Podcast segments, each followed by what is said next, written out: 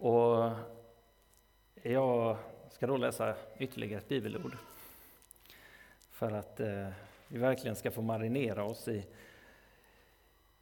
i Guds ord.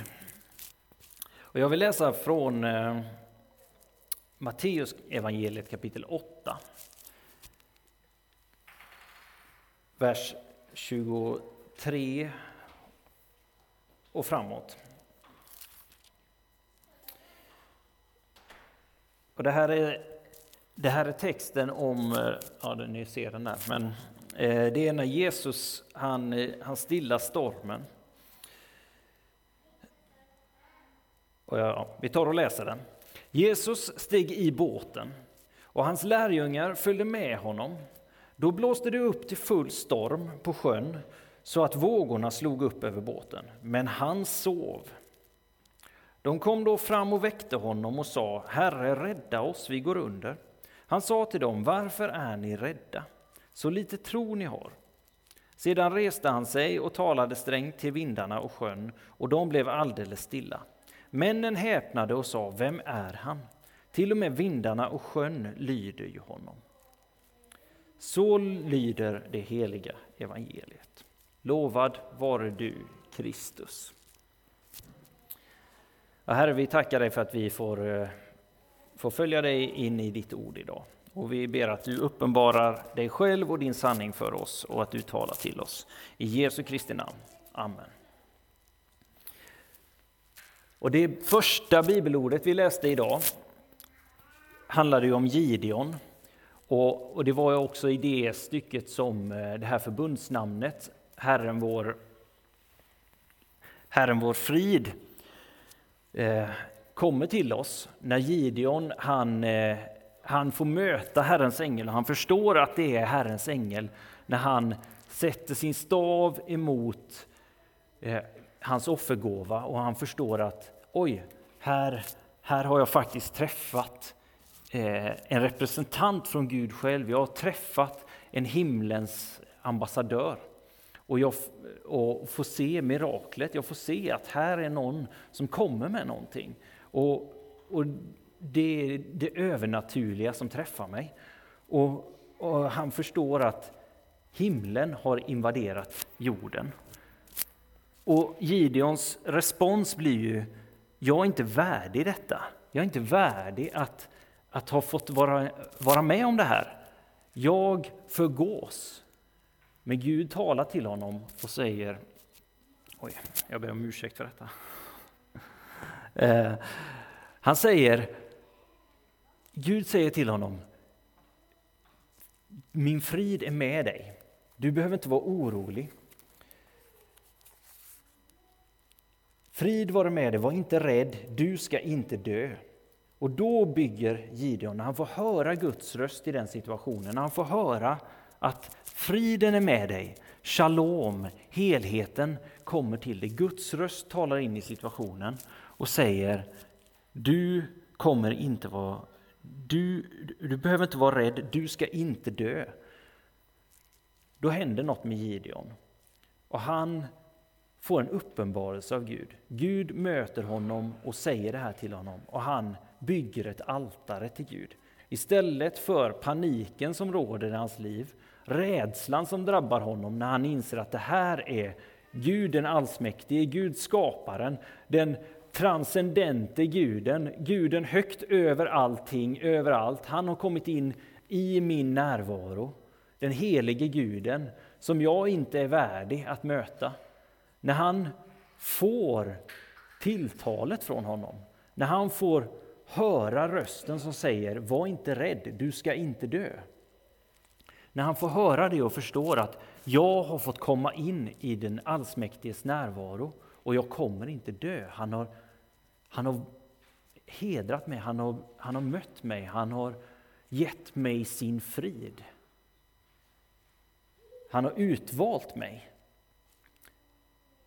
Då vänder det sig till tillbedjan i Gideon. Och då bygger han altaret och han kallar det altaret Herren är frid. Herren är fullheten, helheten. Han är den som kommer med det fullkomliga. Och det altaret, skriver författaren här, finns kvar än idag. Och den här situationen som Gideon finns i, det är ju faktiskt så här att han, om man läser berättelsen om Gideon så är det så att han, han lever i eh, Israel då, och Israels folk har vänt sig bort ifrån Gud. De har valt att inte följa Gud som de har varit kallade att göra. Israels är intaget, de lever där, men de följer andra gudar. Och andra folk kommer in i landet och ja, ockuperar dem. Och de lever i, i verklig förföljelse. De, folken drar in varje år och fördärvar deras, det som de har sått, fördärvar deras skördar, de dödar deras boskap. Och det står att folket verkligen blir utarmat, de har ingen mat. De har inget att äta, de, de blir färre och färre. Och när ängeln kommer till Gideon så sitter han gömd och han försöker slå ut vete för att gömma det för de som har dragit in landet nu, så att de ska ha någonting att äta. Men när han möter Herren i texten som vi läste, som, när han möter Herrens ängel som kommer till honom, så står det ju det att han höll på att klappa ut vete i vinpressen för att gömma det för midjaniterna. Och ängeln säger till honom, Herren är med dig, du tappre stridsman. Och vad är Gideons respons? Jo, det är att han, han börjar ifrågasätta.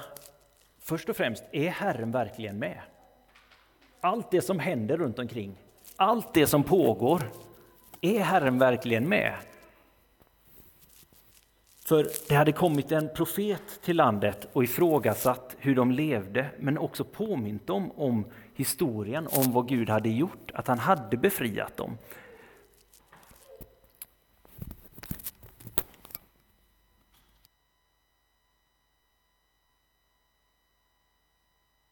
Vi gör så istället. Den här profeten hade kommit och sagt till dem att Herren han har befriat Israels folk från Egyptens land. Han har, han har fört er från fångenskap, han har påmint dem om hela deras historia och satt, sa att det här är vilka ni är, det här är er identitet. Ni är inte de här som är slavar under midjaniterna, utan ni är de som Herren har utvalt och satt fria till att vara hans egendomsfolk. Men ni har vänt er bort från Herren. Så att Gideon, när han hör det här, Herren är med dig, du tappre stridsman, så börjar han först säga, ja men Herren har ju, är Herren verkligen med oss? Vi lever ju i förtryck, vi lever i slaveri igen. Vi ser inte det här i våra omständigheter.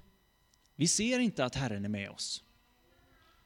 Det är inte det som är min erfarenhet just nu. Jag sitter här i vinpressen och försöker klappa ut lite vete för att kunna överleva jag och min familj och mitt folk.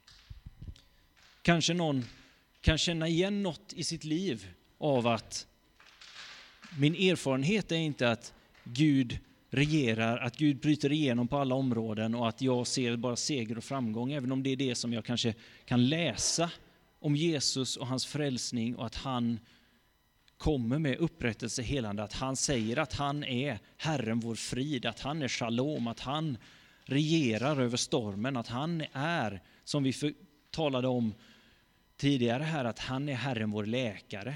Förra veckan var det att han är Herren vår seger. Det är det här som vi påminner oss om under de här veckorna. Vem Herren säger att han är. Men det är inte alltid som vi ser det i våra omständigheter, det är inte alltid som vi ser det i våra liv. Och Gideon han ifrågasätter det. Och så säger han, nu har Herren övergett oss och gett oss i midjaniternas hand. Så står det i vers 14, då vände Herren sig till honom och sade, gå i denna din kraft och fräls Israel ur midjaniternas våld, se jag har sänt dig. Gideon står och klagar, han står och talar till Herren och säger, du har övergett oss, du har lämnat oss och Herrens respons till honom är Gå i din kraft och fräls Fräls Israel ur midjaniternas våld, för jag har sänt dig. Och då, då kommer Gideons respons det här, vem är jag att göra det? Vem är jag att vara ditt sändebud? Vem är jag att rädda Israel? Och så talar han om att han är den minsta i sin familj, hans stam är den minsta av, i, av Israels stammar. Han är inte rätt person att göra detta. Och, han, och så ser vi sen också då att han i texten som vi har läst att han går och hämtar en offergåva. Han tillagar en killing, han eh, bakar bröd och han kommer med det. Och när vi tänker efter här då, de är ett utarmat folk, de har ingen mat. Han sitter och försöker hamra ut lite vete. Men när Herren kommer till honom och säger Gå du tappre stridsman. Vad är det han gör då? Jo, han går och, han går och lagar till mat. Och hämtar det och bär fram det som offergåva till Gud. Det här är, han, han lagar till en hel killing och han bakar bröd. Det är, det är inget litet offer som han bara gör, utan han bär fram mycket av det han har för att, för att se, Gud, är det, verkligen, är det verkligen jag som ska göra detta? Han, han sätter inte in foten lite grann för att testa, håller detta verkligen? Utan han, för att se, Gud, är det mig du ska sända? Så kommer han med liksom, ska jag kunna, ska jag kunna äta något närmsta månaden? Han bär fram det som ska livnära honom och hans familj kanske också.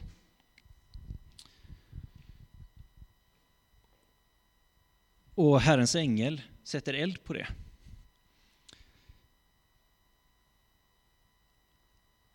Och så, så kommer man in på detta sen och att, att Gideon han förstår att det här är Gud. Det här är Gud som jag har mött. Det är Gud som vill sända mig. Mig lille Gideon. Det, det är mig som Gud har... Och det handlar inte om, om mig, utan det handlar om Gud. Och jag förgås för att jag har fått komma in i hans närvaro. Han bryr sig inte om den här maten som han har burit fram, eller, eller så, utan han, han bryr sig om att wow, Gud, det, det här är Gud. Men Men Gud säger till honom, frid vare med dig, var inte rädd, för du ska inte dö. Och det då bygger han det här altaret och ger Gud det här namnet, eller som Gud har gett uppenbarelsen till honom. Och han benämner Gud, du är Herren, vår frid. Och det som vi får leva och livnära oss på idag, att han är vår frid och som, som Gud talar om genom hela Bibeln, att han är frid. Och som Jesus kommer och visar på att han, han är full av frid oavsett situationen som, som han möter, oavsett vad som händer, att han är frid. Och som Jesus, när han möter situationer, när han kliver in i slutet på sin tjänst, när han står i, särskilt i slutet av Johannesevangeliet, när han har sitt långa avslutningstal, så kommer han tillbaka till det här om och om igen, att min frid ger jag er. När han sänder dem så säger han, var inte rädda, min frid ger jag er. Jag är frid. Och det är Jesajas profetia också, att Jesus, fridsfursten, ska komma. Jesus är fridsfursten. Med många andra saker, men han är fridsfursten. Och det är honom vi får fästa vår blick på när stormarna råder runt omkring. Idag så har vi en, en, eh, en annan storm som, som stormar, men, men vi, har, vi har mycket som händer, mycket som vill ta, ta våran, våran blick, vårat fokus. Men det, det är Jesus som vi får, får fästa blicken på. Och den texten som vi har fått ha med oss som, vi, som jag läste här i början från Matteus 8, så säger Jesus det när han är i stormen. Det är full storm, står det. Det blåste upp till full storm på sjön och vågorna slog upp över båten. Och kanske vi befinner oss i, en, i sådana situationer när vi känner att nu, nu håller det på liksom att fylla båten här. Men det står att Jesus han sov. Han sover mitt i den stormen. Men lärjungarnas reaktion, det är precis som, som för Gideon, att de, de upplever att vi håller på att gå under. De väcker honom och ropar till honom, Herre rädda oss, vi går under. Men Jesus vänder sig till dem då, mitt i allt det här kaoset som händer och säger till dem, varför är ni så rädda? Varför är ni så rädda? Så lite tro ni har. Och det här behöver, behöver vi få höra från Jesus om och om igen. Varför är du så rädd Jonathan? Så lite tro du har. Och jag tänker när jag läser den här texten att det är så lätt för mig och säkert för många av oss att döma lärjungarna. Att, att döma dem för deras lilla tro, för att de borde ha mer tro. För att de borde veta hur, hur de ska hantera den situationen. Ehm, men, men de, de befinner sig i båten där, mitt på, ute på sjön, och det, vågorna slår in. Och det de gör det är att de springer till Jesus. De springer till honom och ropar Herre, vi, vi håller på att förgås.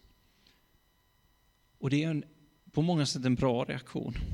Att de, de springer till honom.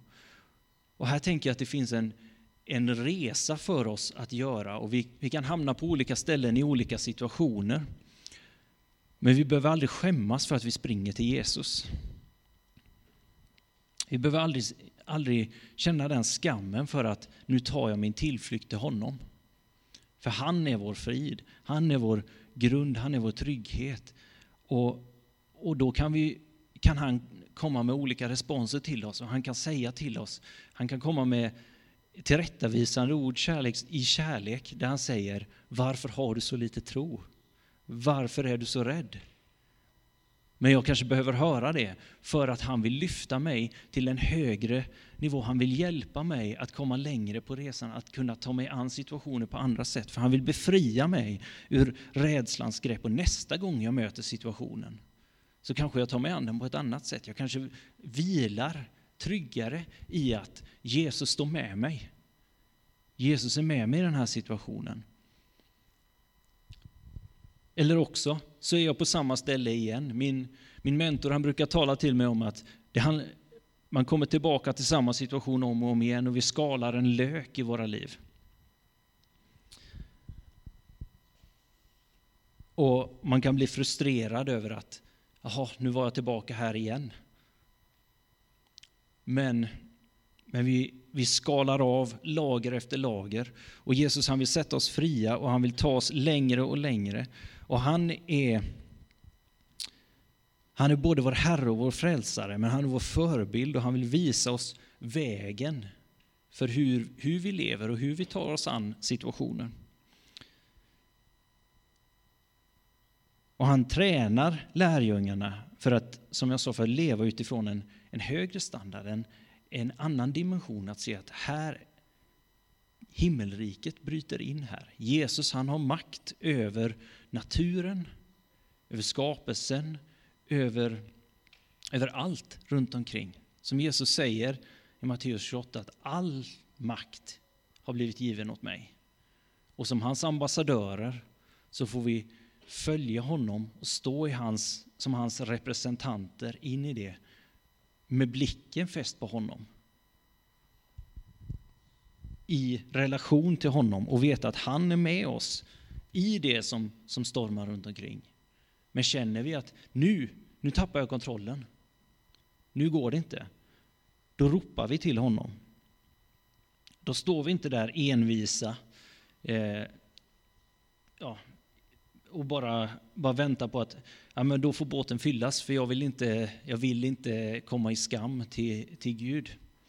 Utan han vill välkomna oss in i hans närvaro och ge, tala till oss, visa oss vägen. Han fördömer inte, men han korrigerar oss och vi leder oss vidare.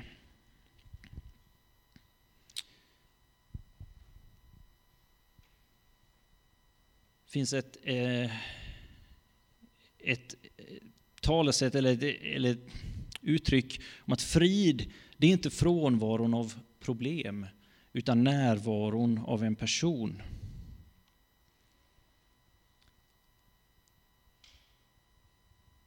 Frid handlar inte om att vi har lyckats få bort alla problem ifrån våra liv, utan det handlar om att Jesus får bli tydligare i våra liv, att han får, att han får vara med oss i våra problem. Och ju tydligare han får bli, desto, kanske desto mer kommer det storma runt omkring oss. Det är inte nödvändigt så, men, men, men han, det ser vi i Jesu liv att det stormade runt honom hela tiden. Men det, det tog inte hans frid. Han var trygg i vem han var och att Gud var med honom och ledde honom på rätta vägar. Och att han, han tog honom dit han skulle. Och att den som var i honom var mäktigare att leda honom rätt än den som fanns i världen var mäktig att, att hindra honom att komma dit han skulle. Och där behöver vi omvända oss och, och komma till, tillbaka till Gud om och om igen.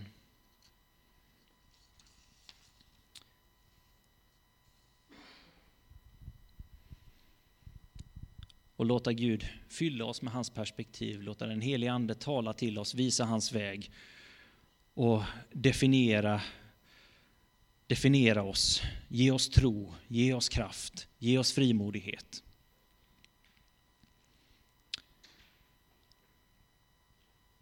Och det handlar om, om sinnets förnyelse, det handlar om att, att inse att det är han som är stor, det är han som är mäktig.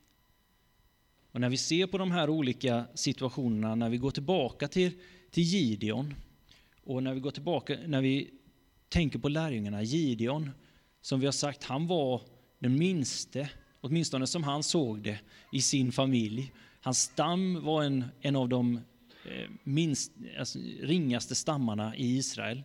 Han, han var inte den som var lämpad att rädda Israel. Och när man läser vidare i berättelsen så visar Gud också väldigt tydligt att det är inte i hans kraft. Det är inte, det är inte i mänsklig kraft som det här skulle ske. För när Gideon väl då gick i uppdraget så lyckades han få med sig folk. Han lyckades samla folk. Och han samlade en ganska stor här för att befria Israel. Men då säger Gud, ni är alldeles för många. Folk kommer inte tro på att det, att det är jag som befriar Israel nu. Så du måste skicka hem dem. Så att från att ha varit många, många tusen, så, så i, i ett par omgångar så får Gideon på Guds uppdrag skicka tillbaka soldater. Och till slut är de bara 300 kvar. En liten skara. Och på det sättet så visar Gud att det är Guds makt och de får göra det på Guds sätt för att det ska bli tydligt att här är det Gud som visar vägen. Här är det Gud som gör det. Och, och det här är svårt för oss, svårt för mig, att liksom när man ser att oj, här har jag, här har jag resurser, här har jag eh, en grund att stå på, här har jag trygghet att vila på. Eh, och här kanske Gud säger du ska gå den här vägen. Men jag kan väl ha en fot här och en fot här. Och Gud, skulle vi inte kunna gå den här vägen, åtminstone lite grann i alla fall. Men Gud säger, om vi står här så fylls det av kraft. Om vi står här så kanske det känns skönt och tryggt. Och det här handlar om att lita på honom, förnya sinnet. Lägga bort det som, som är, är mitt eget. Lita på det som han har sagt. När Herren säger till Gideon, Herren är med dig, du tappre stridsman. Gå i, den, gå i, den, i din kraft, för jag har sänt dig. Kanske inte alls känner igen mig i det. Jag kanske inte tror på att det gäller mig, men Herren har sagt det. Och för lärjungarna, när Gud kommer och kallar fiskarna och säger till dem Följ mig, för jag ska göra er till människofiskare. Och han säger till dem Ni är världens ljus och ni är jordens salt. Och Det här är enkla människor som, som förstår vad han menar och tror på det, men och sen hamnar de i, i situationen med stormen. Men det handlar om att ta de här, det här som Gud har sagt i sitt ord och som han talar till dig och till oss som församling och till Guds folk. Och det, att det här är vem han är och det här är vad han talar till mig och det, det får jag stå på. Det handlar inte om att, att jag är så bra, det handlar inte om att jag kan, det handlar inte om att, eh, att, jag, att vi, vi skapar så fantastiska vägar för detta. Det handlar inte om att jag kan samla tusentals skaror, utan det handlar om att Gud gör det. Att han talar om att vi gör det på det här sättet. Och i det kommer förvandlingen, i det kommer kraften.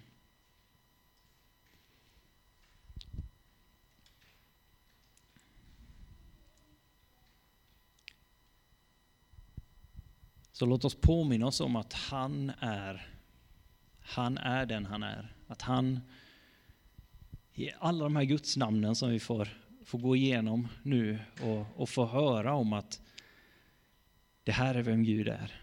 Det här är vem han, han säger att han är och vem Jesus upp, också visar på att Jesus är uppfyllelsen av och som han ger vidare till församlingen och som han, han påminner om när Jesus säger att min frid ger jag er. När han kliver in till, till de rädda lärjungarna bakom låsta dörrar när de har stängt in sig och är vilsna. I Johannes 20. Så kommer Jesus stå mitt ibland dem och säger frid vare med er. Och när han hade sagt detta visade han dem sina händer och sin sida och lärjungarna blev glada när de såg Herren. Och Jesus sa en gång till dem, än en gång till dem, frid vare med er. Som Fadern har sänt mig sänder jag er. Och sedan han hade sagt detta andades han på dem och sa, ta emot den heliga Ande. Om ni förlåter någon hans synder så är de förlåtna. Och om ni binder någon i hans synder så är han bunden.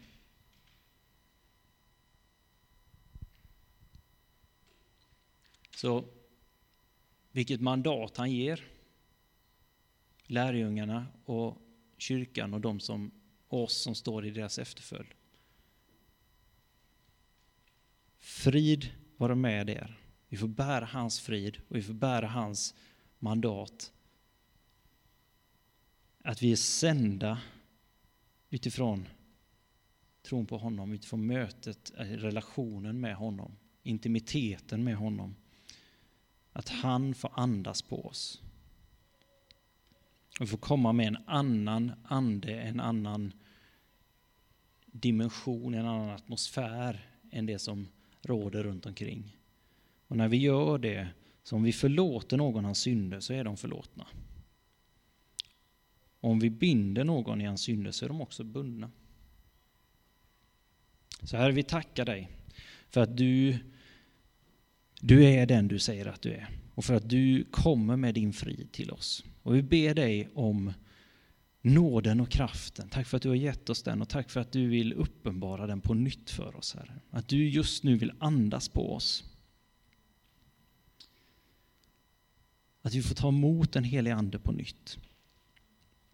Att vi får höra din röst och att du har gett oss mandatet, auktoriteten att komma med din shalom, din upprättelse, din frid, den du är. Ditt, ja, din, ditt herravälde, Herre. Till, till människor, Herre, till situationer. Att vi får bära det med oss. Vi får, om vi säger till någon dina synder är dig förlåtna, så är de det. Tack för att du har det förtroendet till dem som står dig nära. Så dra oss, Herre, närmare dig nu.